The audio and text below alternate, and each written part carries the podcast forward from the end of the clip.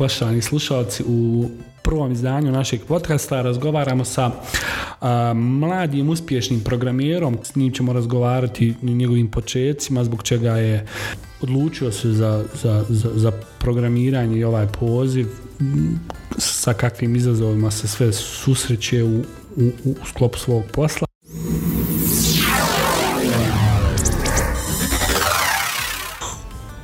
Agdale, rec nam nešto više o sebi. Moje ime je Agdal Vasarić, trenutno sam vlasnik jednog malog startupa koji se bavi web programiranjem. To je to suštini ljubav prema programiranju, inače računarima javila se baš davno. Ljubav ta programerska je bila kroz Kube, imali smo neke stare računare više smo na prvi taj dio, mislim da je išao e, glavnom DOS, ono, kreiraj direktori, edituj neki tekst fajla se napiše, napravi, to se već... to snimi, to je ono ozbiljnije. To je već ozbiljnije. tek poslije došao, ono, to je bilo. Znači da si imao dobru nastavnicu, ona, ja se sjećam. Pa jest. Ja se sjećam onaj, moja nastavnica matematike koja nam je i informatiku predavala i upravo nam je ono bio, znači, pored algoritama ulaz, izlaz, opreda podataka i to kad bi dođi jednom u mjesec dana ili u tromjesečju da sjednemo za računar, da upalimo Windows 95 ili 98 bio, ona kao ono jedino što smo smjeli da uradimo je kliknemo miš, i na tastaturi nabadamo slovo po slovo i onda kao napišite jednu rečenicu i onda su svi pisali danas je lijepi sunčan dan. I ono klasik, hajde upiši me, prizmi to. Pa, mislim, jednu ruku sad sa ove distancije gledajući, ja razumijem ljude koji su tad pogotovo obično su to bili znači primarno ili fizičari ili pa matematičari, a onda su bila uglavnom predavala matematiku i informatiku, tako je to nekako bilo u srodno u, taj period. nije bio, znači nije bila informatika primarni predmet, nego eto kao A ono. to je to.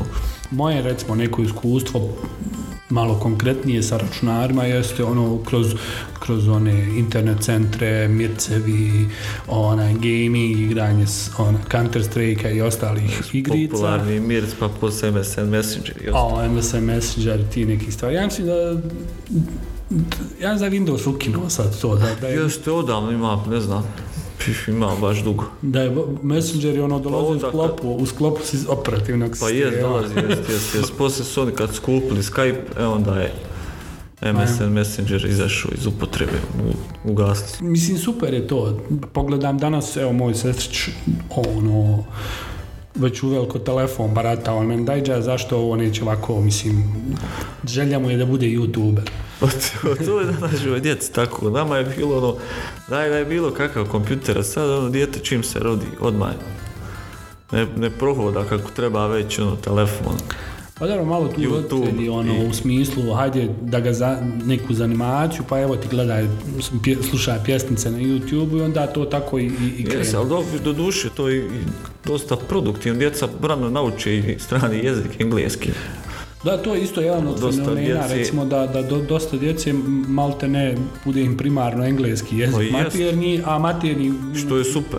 bosanski je kao dođe sekundarni. I... E sad imaš tu problem gdje, gdje recimo kad treba djetu pisati u obdanište ili u školu, nastaje problem kad onaj ne znam, vaspitačica mu postavlja pitanje koja je ovo boja, on ne odgovara recimo zelena ili crvena, odgovara na engleskom green and red. Yes, Znači, ono, onda e, po našem ovom zakonu to je automatski dijete sa potrebom, znaš kao.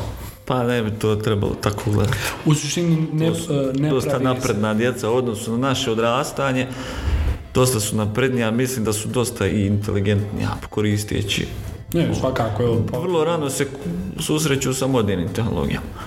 I to treba tako, to je, tako, to je naša svakodnevnica i to treba i potencirati.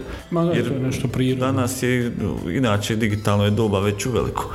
Digitalizacija zahtijeva tu to je već sad poznavanje rada na neka elementarna stvar, ono isto oko potpisati pa u suštini Tako jedan od kriterija one pismenosti i obrazovanosti pa jeste je koliko, koliko si informatički pismen i obrazovan. Tako da znači, je to ok, to je dobro.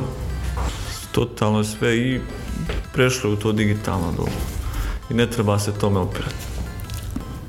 Na dobro, mislim da je evo i, globalna pandemija koja nas je zadesila u proteklim mjeseci. To nam je sad pokazalo najbolje kako koliko je bitno koliko je digitalizacija bitna, koliko inače bitno pratiti tehnologiju. Obrazovanje, obrazovni sistem je prvi na neki način položio taj test gdje su vrlo, se brzo... vrlo brzo su se onaj adaptirali na to. Da, što je super. Tako da onaj i tu opet zavraćamo ono koliko, koliko su, koliko e, informatički pismen, da su i roditelji na neki način morali da, da prate svoju djecu, da, da, da, bi im olakšali su tu tranziciju i šta ja znam to. Tako s tim da, da, s tim da ta djeca vrlo, odnosno mnogo bolje od svojih roditelja poznaju. Pa ne, naravno. Nedavno sam baš čitao neki članak u smislu sigurnosti onaj, na internetu i koje, sve prednosti, recimo što nam donosi internet i modernizacija i digitalizacija, a u isto vrijeme koliko sve imamo onaj, te neke rizike, na jedan klik možemo doći lako do nekih određenih podataka, ali isto tako na drugi na drugi klik možemo doći do stvarno neželjenih podataka. Ja sam baš radio za ovaj master tezu pošto mi je to bila sigurnost podataka i radio sam anketu kao jedno malo istraživanje, koliko roditelji su svjesni onaj, e, toga da njihova, koliko njihova djeca stvari provode vremena, da li su svjesni koliko provode vremena na internetu, e, koliko prati taj njihov, to njihovo vrijeme, šta radi, šta gledaju. Ona, i, pa mogu reći da su rezultati dosta pozitivni, su dobri opet koliko toliko onaj roditelji prate, vjerovatno i utjecaj medija i svega onaj ostalog da dosta prate djecu bez obzira možda još što, što to nije na nekom većem nivou, ali sad za mogu reći da, prati. Spomenuo Pomenuo si tu anketu i tu svoju master tezu, šta si ti završio? Šta si završio u školi, šta imaš? E, diplomirao sam sa obraćaja telekomunikacija, poslije toga opisao master računarstvo, informatika, da se nekako što više približimo ovoj svojoj struci koja je ono iz hobija prešla sad već u neki profesionalni ovaj, Super. level. Kraju opet kad podvučemo crtu, najbitnije je da li ti to znaš, a pa ne znaš. Znači, kad kad ostaneš sam sa svojim, evo konkretno u, tvom slučaju sa svojim projektom i imaš neki zadatak koji trebaš da riješiš, ili ga znaš riješiti ili ga ne znaš. Pa to je tako, obično klijenta ne zanima ni tvoja stručna sprema, ni ko šta si, nego njega zanima krajnji, krajnji rezultat. Jer ona, to sam prvi put se susreo s tim, ranije se bavio freelansom i tu tek ovaj, se vidi koliko i šta je u stvari klijentima potrebno da znaju o tebi. Oni o tebi ne moraju ništa da znaju, bukvalno njih, e, ono što njih konkretno zanima je naravno koliko će taj posao da ih dođe para, odnosno onaj koji budžet on trebaju da pripremi i da li se to zna uraditi ili se ne zna uraditi, da vidi se neki osnovni portofolio, šta se radio ranije i da on ocijeni da li si ti za taj posao ili nisi. Otkud ta ljubav prema informatici i programiranju i to? kako je u stvari sve to kod tebe počelo? Vjerovatno spletu ti neke okolnosti ovaj, što sam imao sreću, mogu da kažem. Da sam bio u tom nekom krugu ljudi gdje su već oni polako ulazili u taj digitalni svijet tu davnih godina, ne znam, to je neki kraj 90-ih, početak 2000-ih. Onaj, i ono, isto ko, ko, dijete, kad vidi neku igračku, tako i ja, svidilo mi se daj da vidim šta je, kako je pa malo probaš, pa ono vidiš, svidi se onda odatle i onda daj, daj još, daj još da se uči, da se naprije. Ili to za mene nije za mene i to... Je, pa to se vidi u bilo kojem ono, zašto se djeca obično pitaju šta bi volio da budeš kad porasteš. Ono, već on tad gleda, vidi neke svoje afinitete. Ona, I tu se mogu i vidjeti šta bi ono. Ja sam tu vidio ono, Da je to to čime, se, čime bi se volio baviti. Pomenuo si freelancing i kakva si iskustva imao na freelancingu? Prvi pozbiljniji poslovi su bili na freelansu. Tu u stvari vidiš, napraviš neki portofo. Ja sam konkretno bio na Upwork platformi. I mislim da sam sličan sam poslo i tamo onaj predavao. Odnosno tamo se postavi svoj neki portofolio. E, klijenti izbacuju ono što im treba.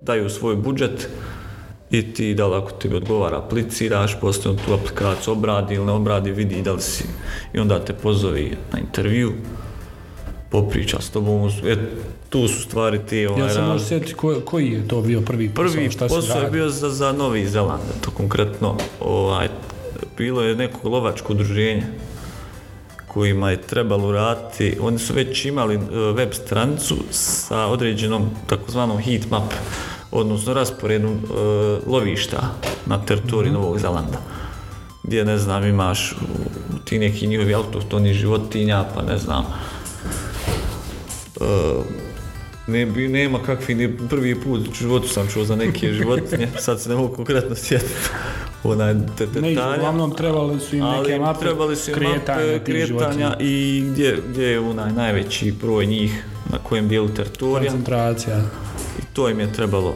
ovaj, napraviti.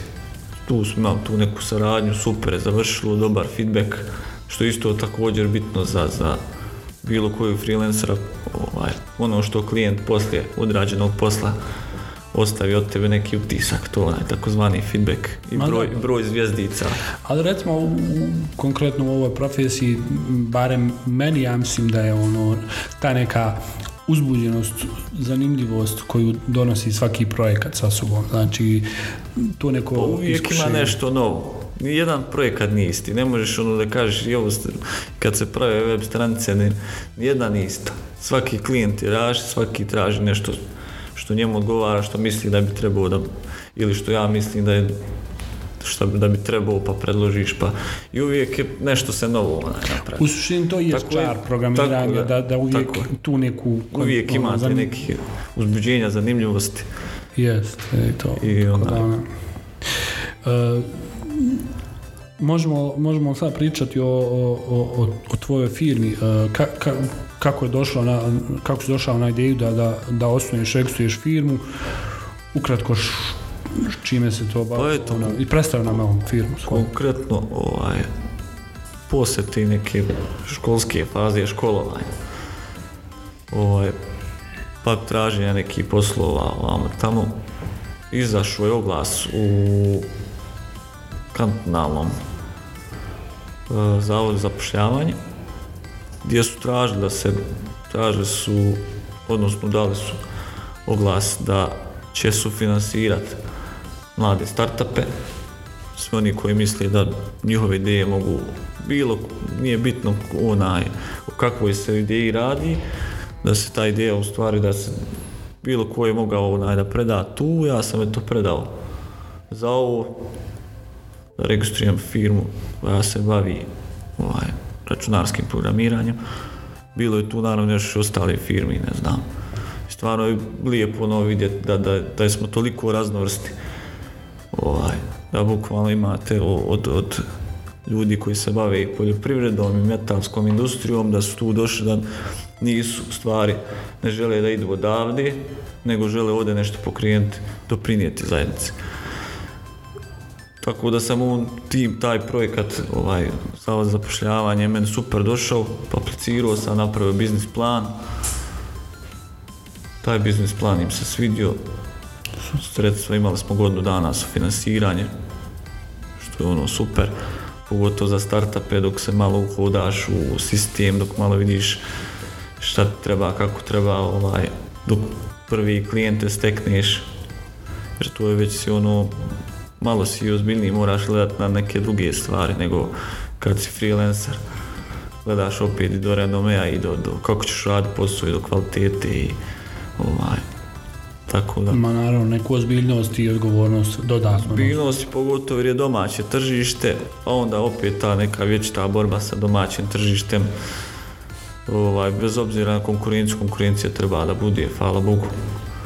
Onaj, zbog konkurencije smo, konkurencija nas i tjera da što je super. Ako je pozitivna konkurencija, ona je svakako ono, poželjna i dobrodošla. Ali tu doduši još naš mentalitet da se navikne na ove na ovu digitalizaciju. Nadam se da su sad izvukli ovaj pouke iz ove nemili, ovih nemilih događaja sa koronom da sad sve prelazi na internet, da moraju da se ovaj svoje biznise i tamo usmjere.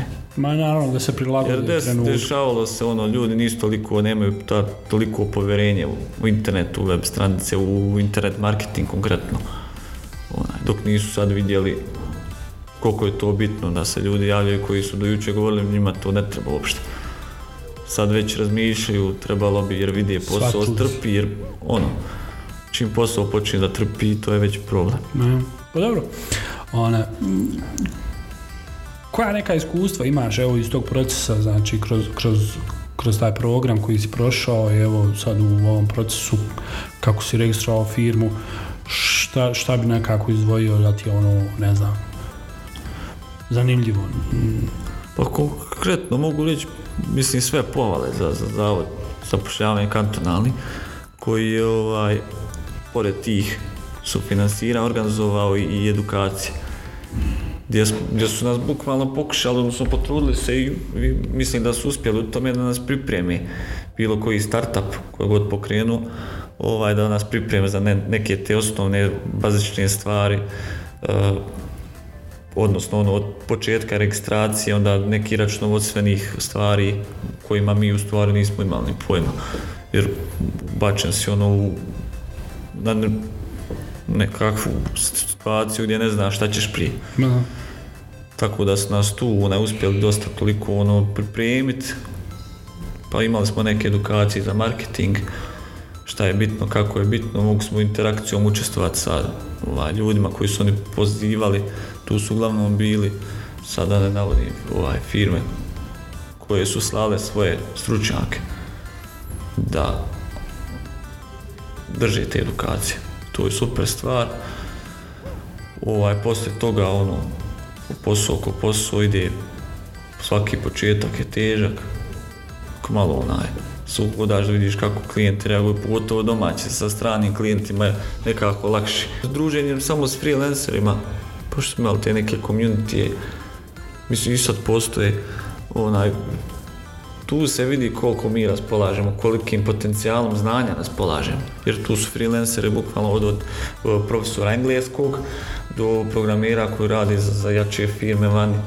Ja u posljednje vrijeme primjećujem da u, ovim malo većim gradovima Sarajevo, Banja Luka, Tuzla, Mostar, e, sve više i više ima ovih e, hubova gdje, gdje se istomišljenici ili, ili slični ovaj, okupljaju, pa ne znam, imaš na jednom mjestu programere, dizajnere, grafičke dizajnere mm, koji rade oko muzike i ti stvari i to.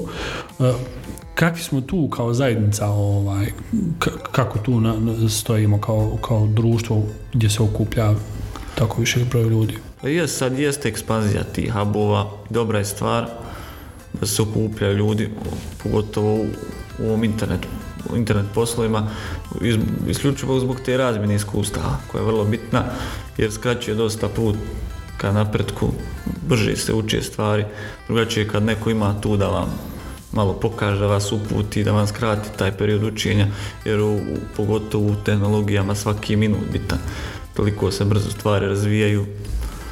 Mi smo baš pokrenuli ovaj, jedan takav hub Netelit Virtual Hub koji u suštini ima za cilj da okupi i freelancere i dizajnere i programere i sve one koji su i željni znanja i oni koji žele da prenesu znanje.